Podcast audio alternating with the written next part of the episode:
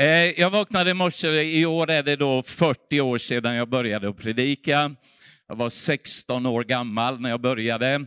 Och mina första fyra år så gick jag på gatorna i Göteborg och predikade. Tre nätter varje vecka. Så jobbar man på dagarna lite och så var man ute på nätterna. Och man vann människor och fick vara nära människor. Eh, och eh, sen dess så har jag väldigt svårt att stå långt ifrån. Jag predikar, vill gärna vara nära människor. Sen tog det oss vidare ut till världen under många, många år och rest och, och predikat. Och jag kommer ihåg en av våra första missionsresor till Indien. Då hade vi med en norrman i teamet. En riktigt härlig man.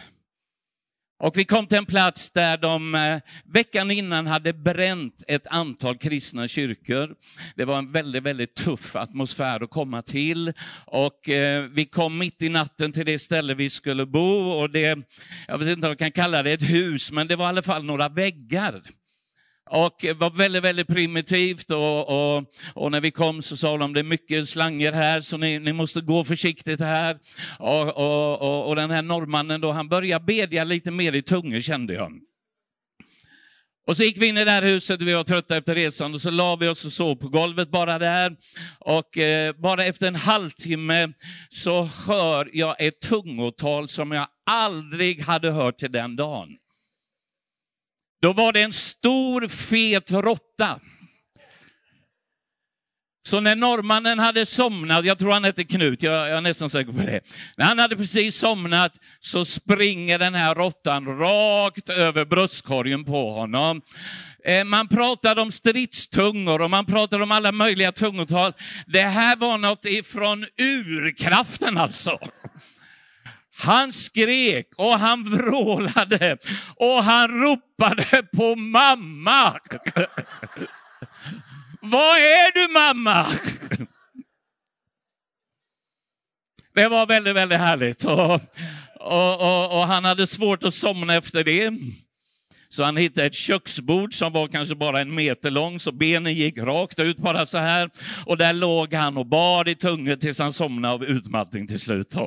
Men det var väldigt härligt. På den resan så hade vi ett väldigt, väldigt motstånd. Du vet att motstånd, det händer i livet. Och det, det, det, det, det ibland, eh, motstånd gör oss starkare om vi bara står fast. Rötterna går djupare om vi bara håller ut i motståndstider. Ingen kommer förbi de här tiderna. Vi vill inte ha dem, men de kommer ibland i livet. Men om du bara orkar och stå fast.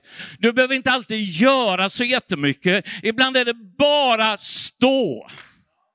Bara stå och be, gå inte tillbaka, böj dig inte, bara stå så bryter det igenom en ny morgondag till slut. Det är otroligt viktigt här i livet. En del blir överrumplade när det kommer tuffa dagar. Det är, livet är så här. Det slås ibland av olika sätt, men vi står och så tror vi det kommer en ny dag imorgon och så kommer vi igenom. Så blir vi starkare framåt med Gud.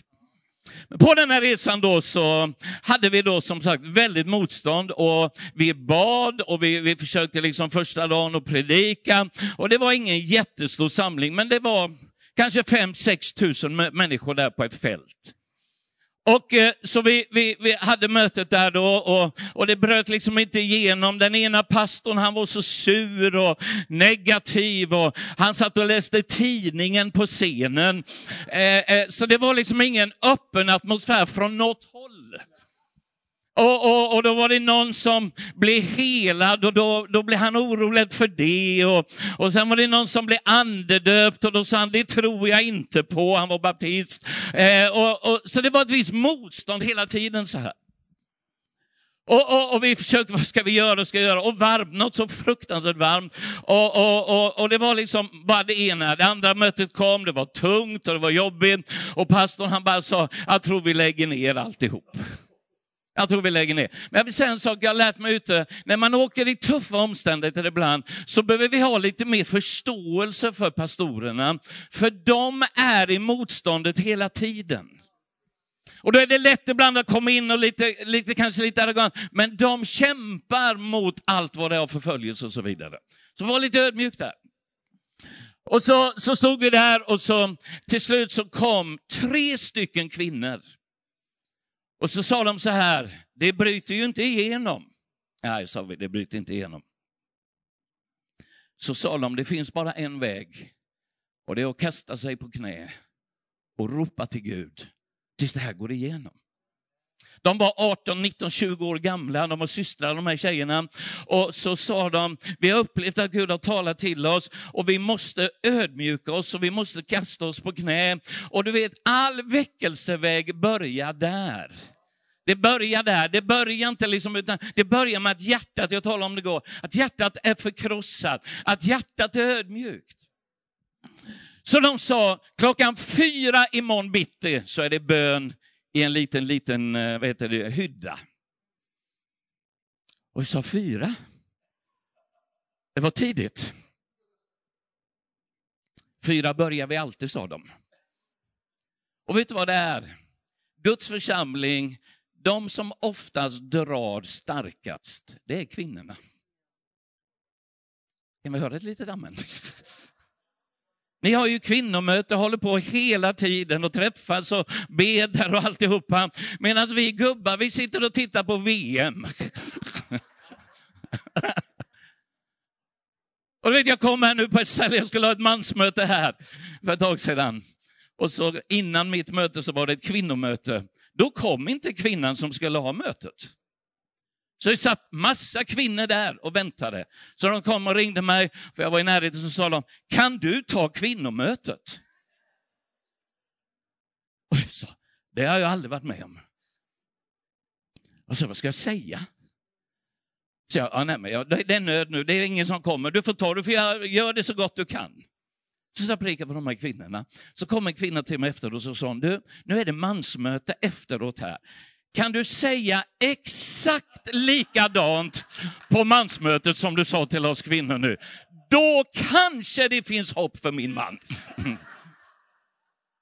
Så är det. Kvinnorna har ofta varit de som drar och drar och drar. De ska äras för det.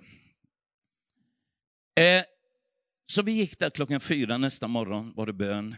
Det var lite kallare ute så vi, det var lagom att på. När jag hörde de här kvinnorna bedja så var det som vi alla, vi la oss på jordgolvet och bara grät.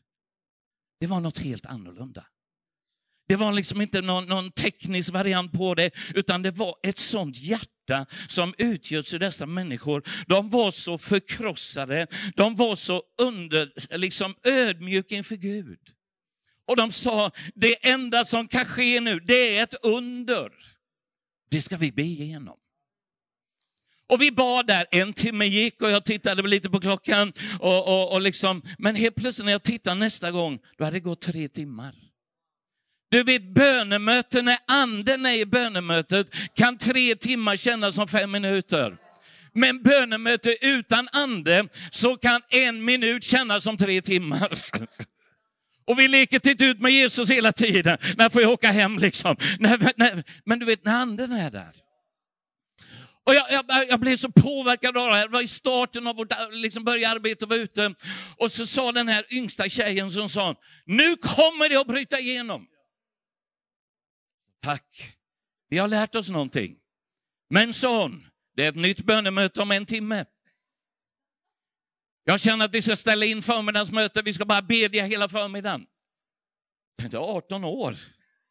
Jag fattar inte vilka vi är. Det är bara det att vi är ingenting. Det är bara i han vi är någonting. Så hon sa, jag upplever det här, vi kände det här rätt, så bad vi hela förmiddagen. På eftermiddagen kom en terroristledare som låg bakom alla bränningarna i kyrkorna. Han och 40 till kom för att förstöra mötet. Då var mötet på en helt ny nivå. Jag glömmer aldrig honom. Han satt längst ner, alla var liksom rädda. Alla visste vem den här mannen var. Han var lam, så han satt i en, en hemmagjord, inte gungstol, rullstol. Så han satt där, men han ledde det här nätverket, hade bränt och terroriserat kristna, fått dem i fängelse och så vidare. Och så vidare. Och så sitter han längst bak och det är ungefär samma publik där. Men vet du vad det är? Det är något som har hänt i luften.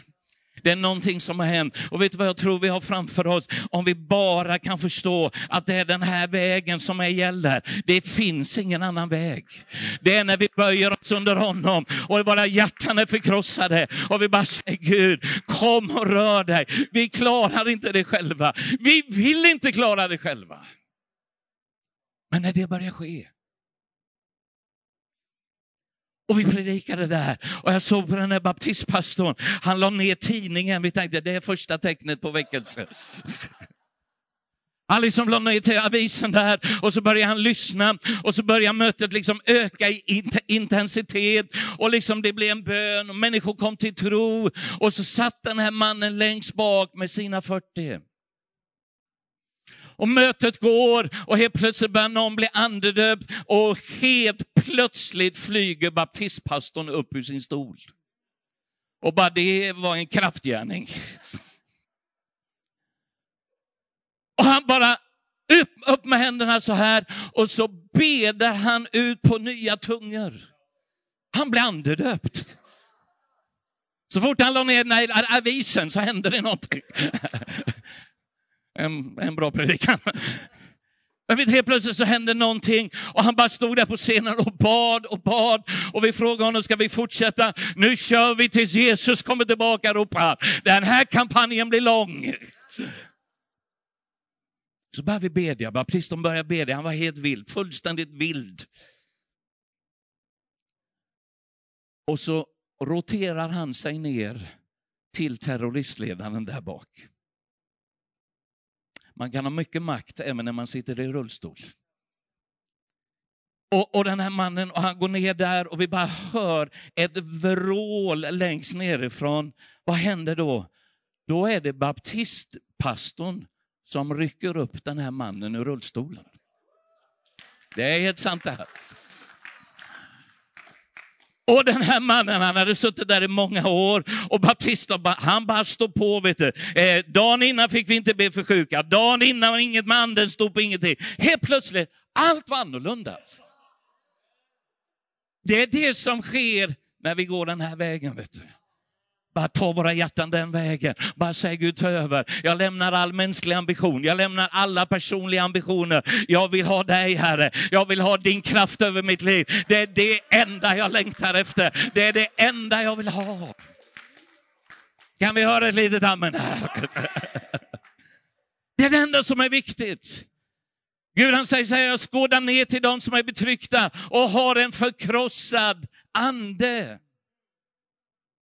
Han skådar till de människorna. Jag skulle önska att jag fick vara så resten av mitt liv. Förkrossad ande. Så reser sig den här terroristledaren upp och det första han ropar ut är Jesus lever. Det är det första han ropar ut.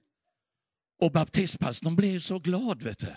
Och de kramas och de håller på där. Vet du. Och så blev alla de här gubbarna frälsta som jobbade för honom. Allihopa blev frälsta. De var med hela veckan. De blev andedöpta och så vidare. Och så går det då ett år och så kommer det ett brev och så säger den här baptistpastorn, det brinner fortfarande. Det brinner en eld fortfarande i markerna. Och det är svåra marker i Indien, tuffa distrikt att vara. Och så skrev han så här, ja, sa han, det har startat 64 nya husförsamlingar under det här sista året. Vet du var allt började? Det var de här unga systrarna. Vi kallar dem the fire sisters eh, i slutet på veckan.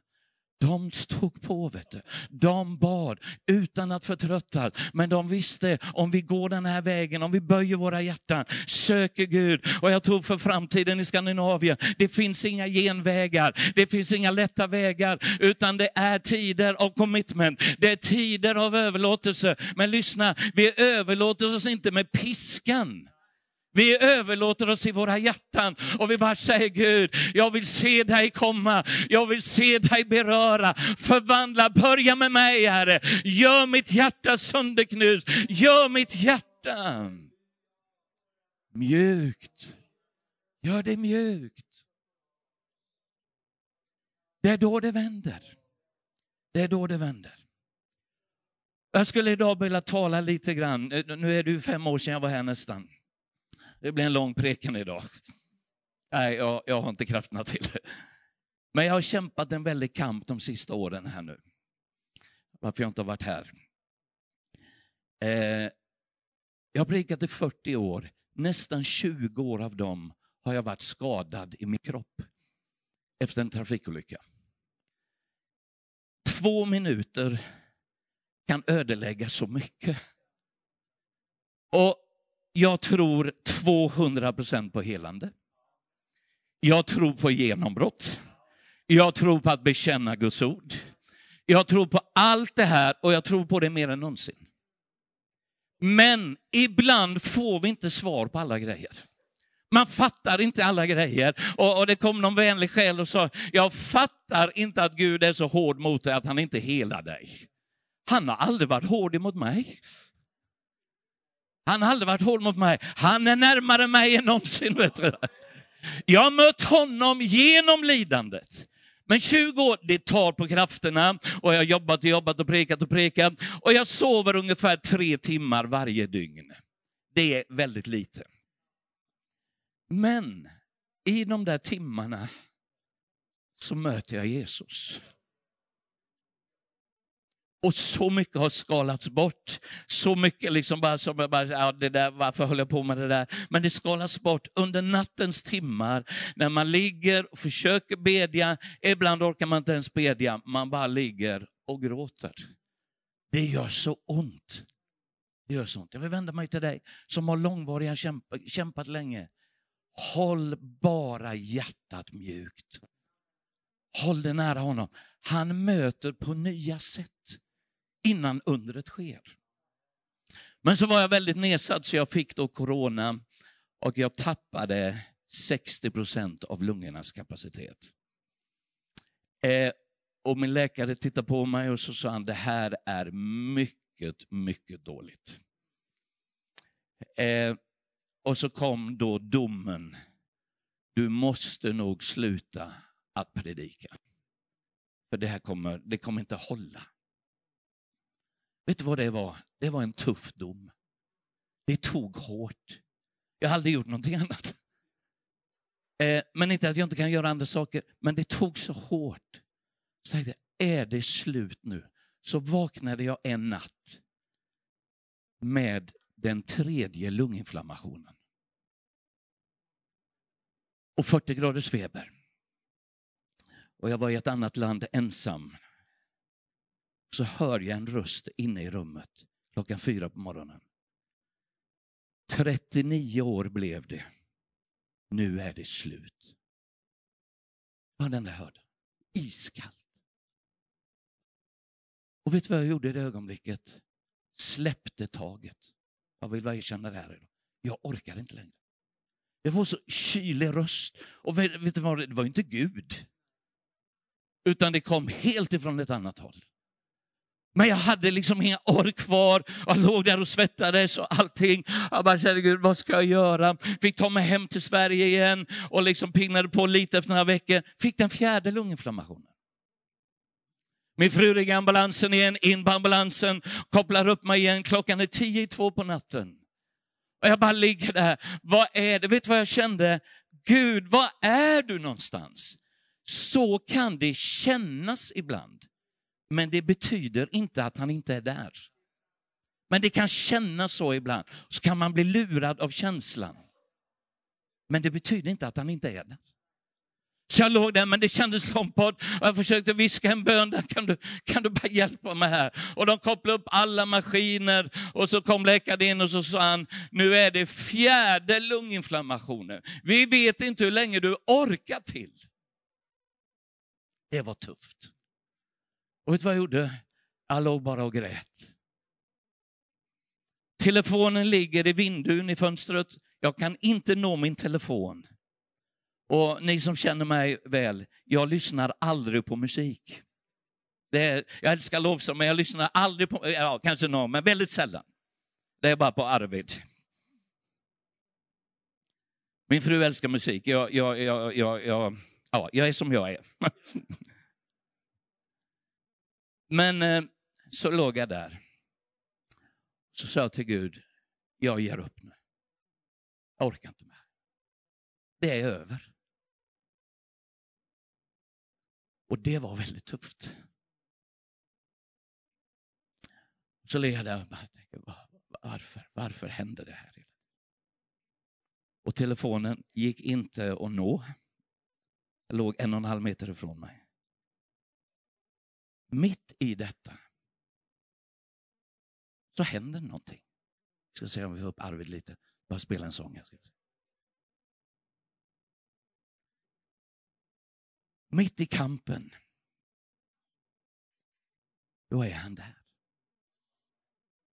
Vi förstår inte alltid kampen, men han är där. Jag ska säga, när du går igenom kampfulla dagar, rikta dig aldrig mot Gud. Han är alltid god. Han är alltid densamme. Han är alltid liksom, men ibland får man bara passera igenom vissa grejer. Om man gör det rätt så kanske man kan vara med och hjälpa någon annan som går igenom samma sak. Så ligger jag där. Och så börjar en låt spela på telefonen. Jag kan inte röra den och telefonen har ingen musik i sig. Som jag vet, jag är dålig på sådana grejer, men jag har inget sånt i den. Så kommer det en låt. Lyssna.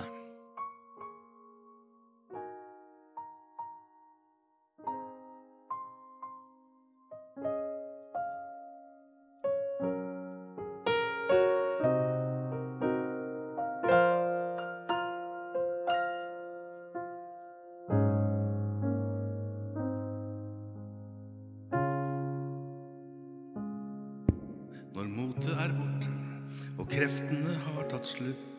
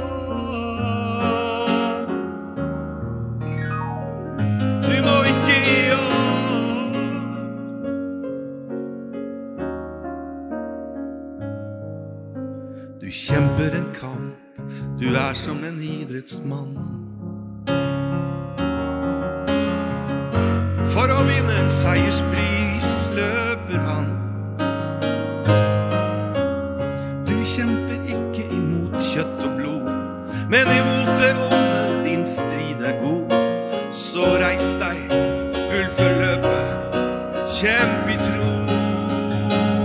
Åh, du må ikke ge upp Du kan ikke stoppe nå. Du har ett viktigt uppdrag Det bästa ligger foran dig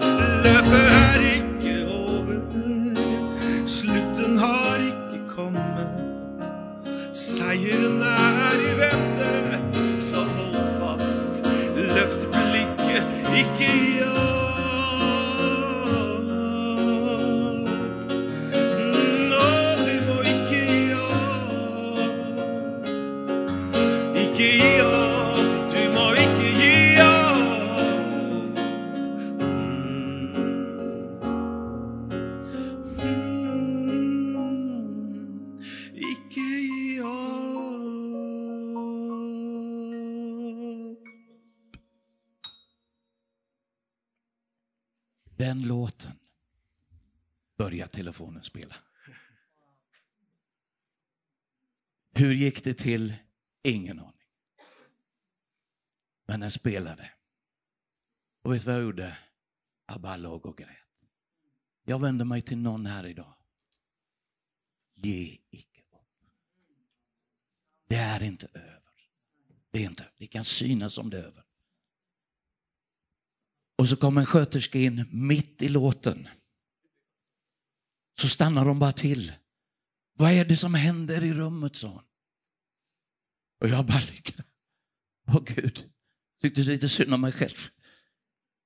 Men hörde de här orden. Du må icke ge upp. Börjar hon gråta? Vad är det som händer här? Jag gråter, hon gråter. Så tar låten slut. Så sa hon, jag har aldrig varit med om något liknande. Vet du vad jag sa? Inte jag heller. Aldrig varit med om något sånt här. Och så sa vad, vad, vad är det? Du når ju inte din telefon. Nej, jag orkar inte nå den heller. Och så står hon där. Mitt liv håller på att gå sönder. Jag är på väg att ge upp. Vad händer då? Då börjar han spela en gång till. En gång till. Och så står hon och får lyssna på hela sången nu. Och så sjung, hon, hon, hon, gråter där och jag bara ligger där. Och så är det vad vi då kallar lite väckelseluft i rummet. När man då är på sin lägsta nivå ibland så är det ändå han som är in charge of everything. Det är ändå han som håller sin hand i alltihopa. Och hon står, hon står där och bara gråter. Min relation har gått slut. Det är liksom allt och jag gråter, jag är slut och vi är slut allihopa. Men det fanns en som inte hade gett upp. Han hade inte gett upp. Och jag måste säga Arvid, du räddar mitt liv.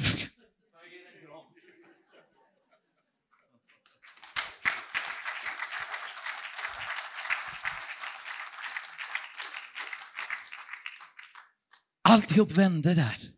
Stod jag upp från sängen? Det gjorde jag inte. Men det hände något på insidan igen. Jag ska igenom det här.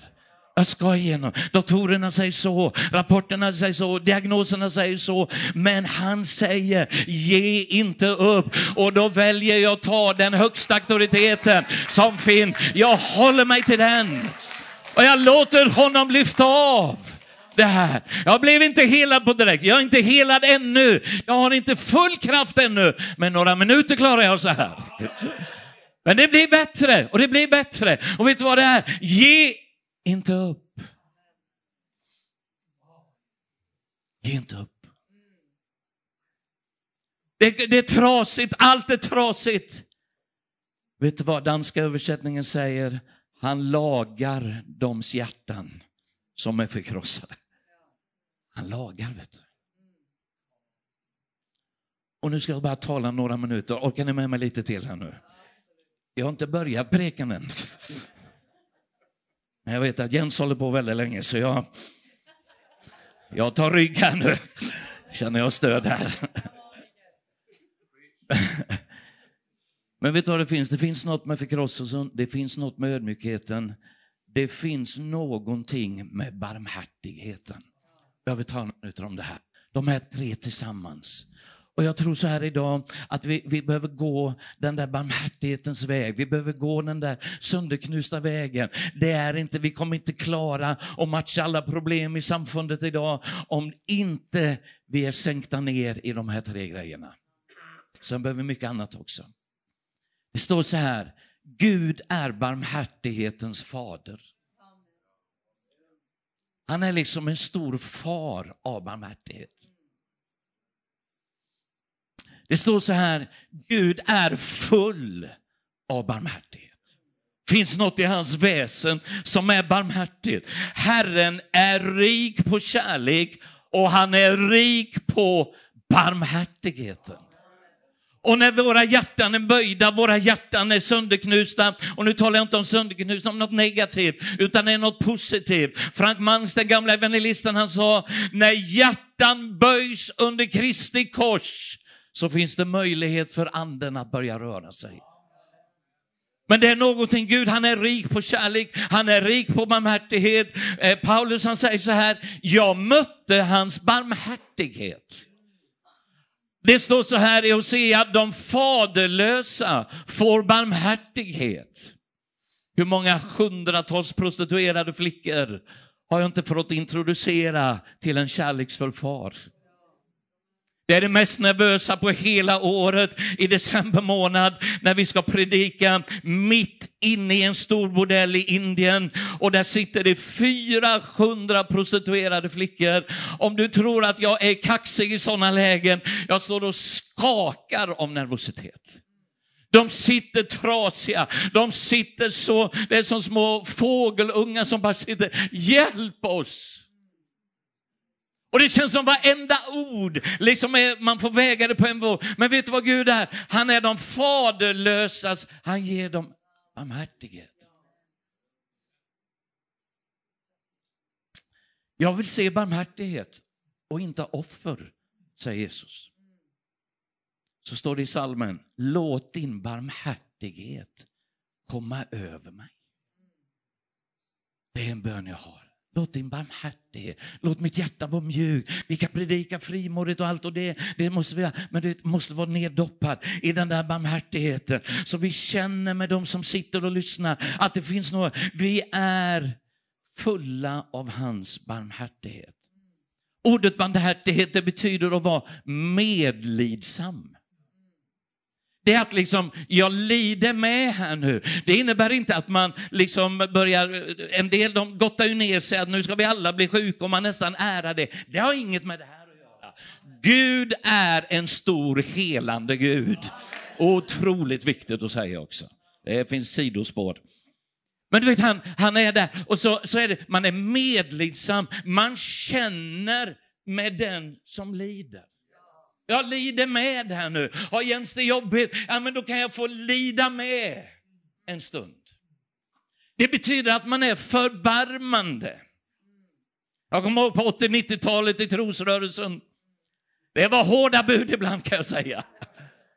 Det var hårda bud. Och vet du vad ibland? Ibland var det om någon liksom lyckades säga något emot pastorn eller ledningen, då stämplade man sådana personer som upproriska. Jag har tyvärr gjort detsamma. Och då liksom de, de tyckte inte liksom samma riktigt. Äh, då sätter vi in dem i frysskåpet och så sätter vi då kedjor utanför så dör de där lite sakta. De finns inte i min värld längre. En pastor i Sverige, han var med om det här, han sa en, en, en, väldigt vacker grej, men det missuppfattades i sammanhanget. Och den ledande pastorn går upp och ställer sig och tittar på honom i två minuter, säger inte ett ord, fryser ut honom de kommande 20 åren. Är det barmhärtigt? Är det medlidsamt? Är det liksom förbarmande? Men du vet, sådana där ska vi inte vara. Vi är ju fulla av barmhärtighet. Om någon går igenom en tuff period, medlid, var med henne eller honom. Hjälp dem igenom, vet du. Ja, men de, är, de håller på och grejer och det är problem alltihopa. Absolut. Hur var det med oss innan? Hur var det liksom? Vi behövde någon som puffade på oss och så vidare. Och vad är det att vara barmhärtig? Det är att vara godhjärtad. Och vad får vi det här? Det börjar med det sönderknusta hjärtat. Så fyller du det här. Och, och, och ni känner ju till Sebastian Staxet i Sverige. Han köpte ett hus granne med oss, eh, bara en bit ifrån, för några år sedan. Och så kom besiktningsmannen. Och det var min kompis. Och Sebastian visste inte att det, han visste inte det. Och jag visste inte om att det hände heller. Och den här killen, han var tvungen att sköta sitt jobb, så det var ett antal fel på huset som man var tvungen enligt lag att följa. Så min vän sa, tyvärr så här måste jag kontakta det här och det här och det är fel det här. Och då så hör han Sebastian säga, nej, gör inte det. Vi får lösa detta på något sätt. Jag vill ju vinna de här hantverkarna för Gud. Och min kamrat, han bara sa, mitt hjärta gick sönder. Och jag sa, men jag måste anteckna Sebastian. Nej, gör det inte bara. De här ska bli frälsta. Vet du vad det blev till min kompis? En predikan. Så ringde han mig och sa, Mikael, jag känner att jag börjar bli lite hård. Han gjorde sitt jobb. Men det fanns en som kände, vi måste nå de här människorna. Barmhärtighet är ett av Bibelns stora och viktiga ord. Att vara barmhärtig är att ha ett hjärta för den arme, för den som lider. Att visa barmhärtighet är att visa medömkan, medkänsla och empati för någon som är i stort behov av det. Herrens nåd tar aldrig slut, hans barmhärtighet upphör aldrig. Nu ska jag gå mot slutet här. När Jesus förde in de här orden om barmhärtighet, tjänande i den tidens Grekland, i den grekiska eh, eh, kulturen, så var det ord som är likadant som förbannelseord. Man, man, man kunde inte med det här och man, man hade så jobbigt med att han säger, ni ska tvätta andras fötter. Det, det var som ett slag. Fattar han inte vilka vi är? Vet du vad som saknades? Förkrosselsen. Jag är lite mer än dem. Jag ser lite mer. Vet du vad det, jag tror det är det grekiska ordet diakonos. Det betyder att vandra i dammet med någon. Det betyder när jag går med någon i dammet och kämpar med någon. Jag blir dammig själv alltså. Vi kristna behöver bli lite dammiga ibland. Vi behöver vandra med någon för att uppleva den nöden de går igenom och känna det här och bara säga, jag går med dig. Men när Jesus tog in de här orden, barmhärtighet, de hatade de här orden. För de var så duktiga i sig själva. Vet du vad vi är? Utan Guds nåd så är vi lika ute allihopa. Jag har liksom ingen chans på något sätt. Men jag är född i kyrkan. Det hjälper tyvärr inte. Och så kommer då Jesus med dödsstöten och berättar om den här mannen ifrån Jerusalem. Han var på väg ner till Jeriko. Så råkade han ut för rånare. Jag har bott i Israel under en period. Och just där det här skedde gick jag vilse. Det är öken bara idag. Jag gick vilse där. Vi, vi skulle till Döda havet, vi hoppade av på fel ställe. Det var varmt. Jag och min kompis bara gick där, liksom kilometer för kilometer. Och så helt plötsligt kom vi på, det är ju det här det här skedde. Det är de här markerna här. Och på de här ställena så skiljer höjden på över tusen meter. Och rånarligor höll till på de här platserna, för det fanns ingenstans att ta dem man rånade, utan man tog det. Och så blir det en man rånad. Lyssna på det här nu. Av en händelse passerade nu en präst på samma väg. Han fick se honom. Då gick han förbi på andra sidan. Var hade prästen varit? På konferens i Jerusalem. Fem gånger per år skulle de upp och tillbedja. Så de gick den här vägen fram och tillbaka. De bodde nere i Jerusalem, tusentals leviter och präster bodde där nere. Så nu var det liksom på väg och, och han hade varit och mött Gud och prisat Herren här ett par dagar och alltihopa. Hade inte hjälpt hade inte förändrat hjärtat, hade inte berört hjärtat så mycket. Och vet du vad det är? Det är bara en väg tillbaka igen. Det är den här vägen, vet du. Säg Gud, rör mitt hjärta. Gör mitt hjärta mjukt igen. Jag, blabba, jag behöver det här. Vad är mitt förbarmande? Vad är min barmhärtighet? Tittar på honom och säger, tyvärr, jag ska hem och käka middag. Prästen gick hem, Satt vid bordet och pratade med sin fru. Det är fruktansvärt vilken kamp det är i samfundet nu. Folk lider. Jag såg en lidande man, jag fattar inte vad det är på väg att ta vägen. Alltihopa, det är sån kris. Vi måste, vi måste, vi, vi, vi måste göra något. På samma sätt kom leviten till platsen. Så står det, han såg honom. Men gick förbi på andra sidan vägen. Tjänat Gud i templet. Ändå så funkar inte det. Ändå så funkar det Vi kan åka på härliga konferenser, vilket vi ska göra, underbart. Vi kan lyssna på härliga predikningar, gör det, underbart. Vi kan sitta och tala om hur allt hemskt är i världen. Lyssna så här. Om inte vi börjar älska människorna där ute så är det risk att vi blir en liten egen klubb. Men vi behöver allt det, så jag tar inte bort det. Men det behöver läggas till barmhärtigheten i våra hjärtan. Hur får man den? Får man på knä inför Jesus. Rädda mig. Så kommer då en samarier på väg. En samarier. De man inte tar i med tång. De man absolut inte pratar med. De som liksom, fy, fy. De människorna.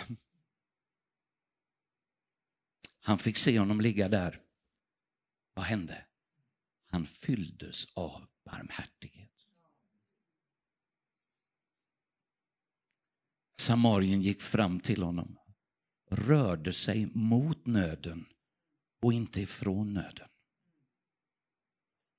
Förband hans sår, hällde olja och vin i såren, tvättade dem, desinfekterade dem. Vet du vad han gjorde mer? Det börjar ta på krafterna nu.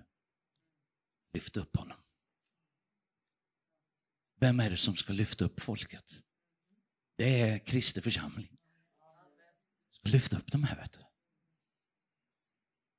Tar han till värdshuset, slänger upp två månadslöner.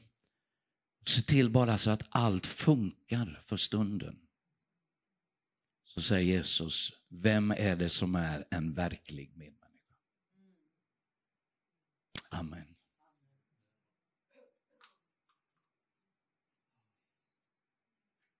Den som visar medlidande och barmhärtighet. Ska vi bara sluta våra ögon?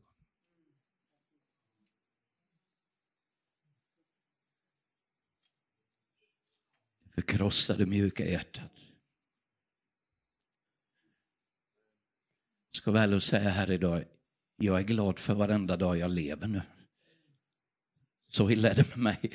Jag är glad varenda dag jag får leva och att jag får tala några ord så här. Men det har varit så tufft och tungt. Men så får man se ljuset i tunneln. Men vet du vad Bibeln säger? Vi ska vara fulla av barmhärtighet, medlidandet. Herre, vi bara tackar dig att du är här just nu. Tack att du verkar på våra hjärtan. Tack att du mjukar upp saker i mitt liv.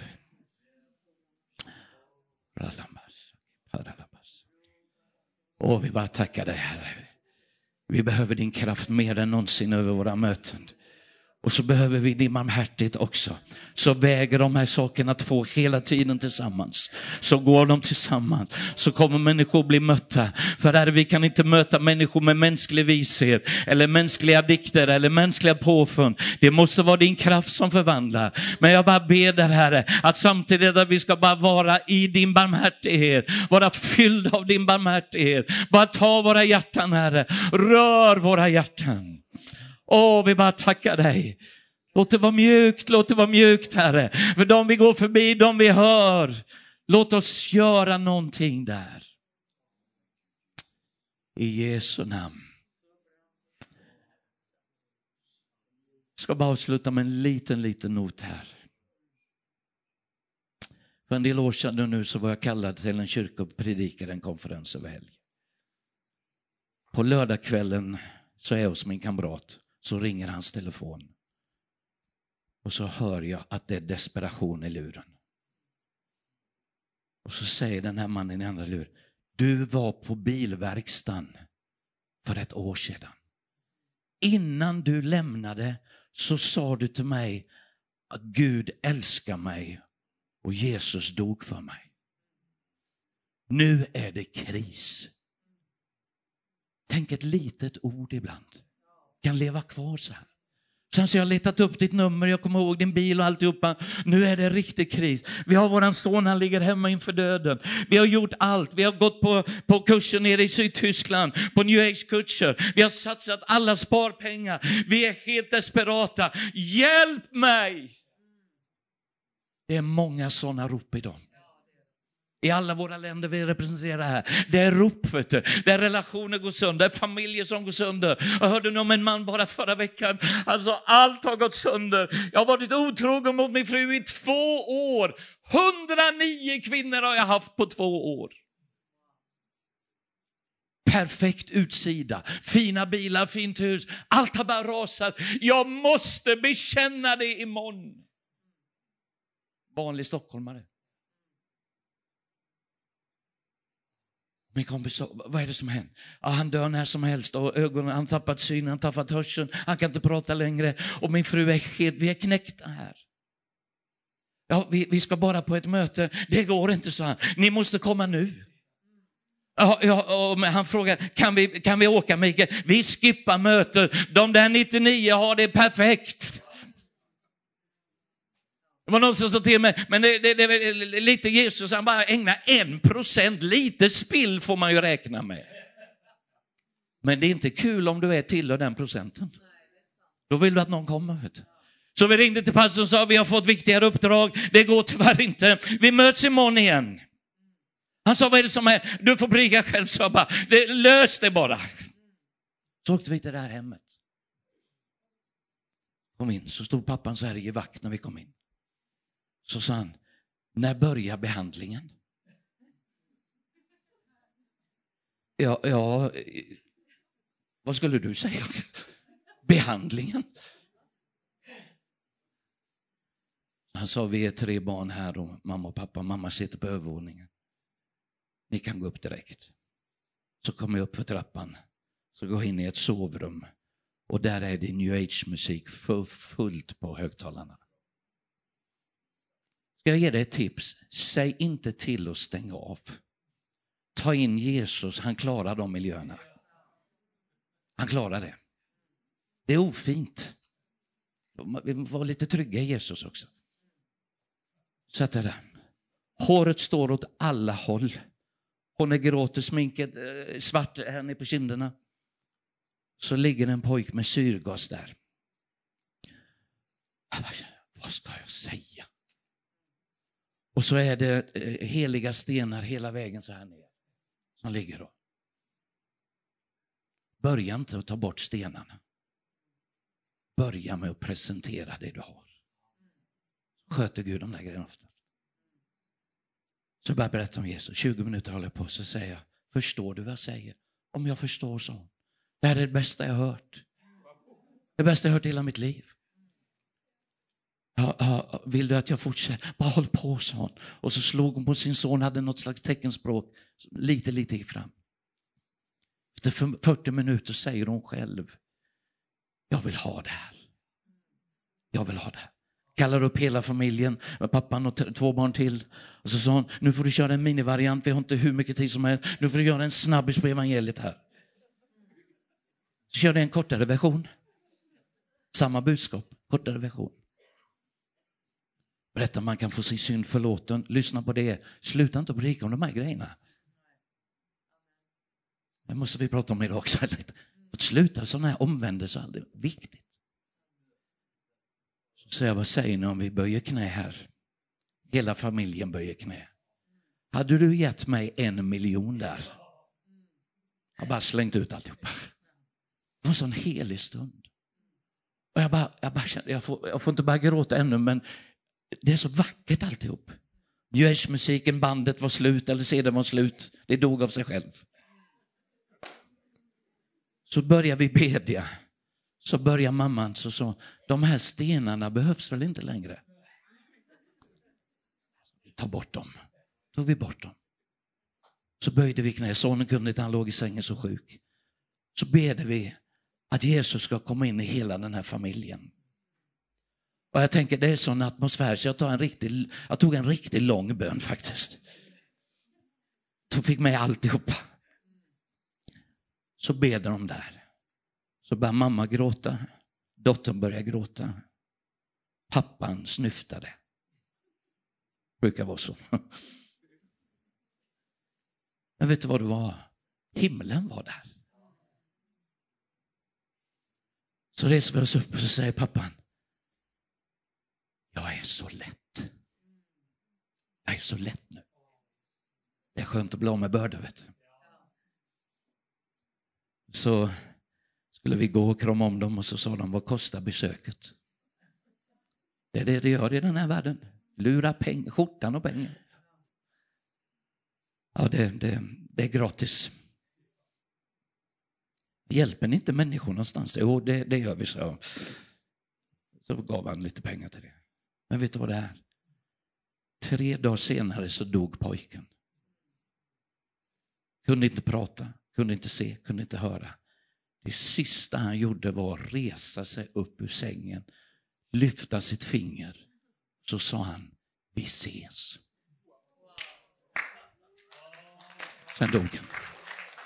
Vi ses.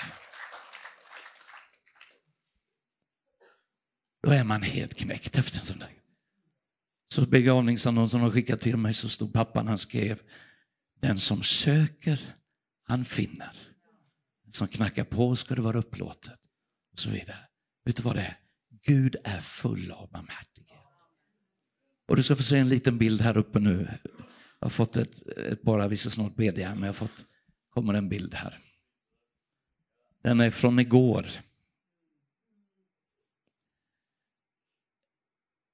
Det är min yngste son. Jag har fem barnbarn. Nu ska han gifta sig. Det är väldigt dyr tid just nu i livet. Den här flickan för fem år sedan när jag var här sist kämpade vi i två veckor för att få loss. Hon var då elva år. Hennes mamma är snart död på en bordell i Indien. Mamma, eh, mormor har tagit hand om henne och några till. Och för att mormor skulle få mat så var hon tvungen att bli såld. Hallickarna hade redan kommit och erbjudit och mormor skulle ta nu beslut. Och vi förhandlade med mormor och sa, vi kan rädda din flicka. Då dör jag, sa hon. Vi hjälper dig.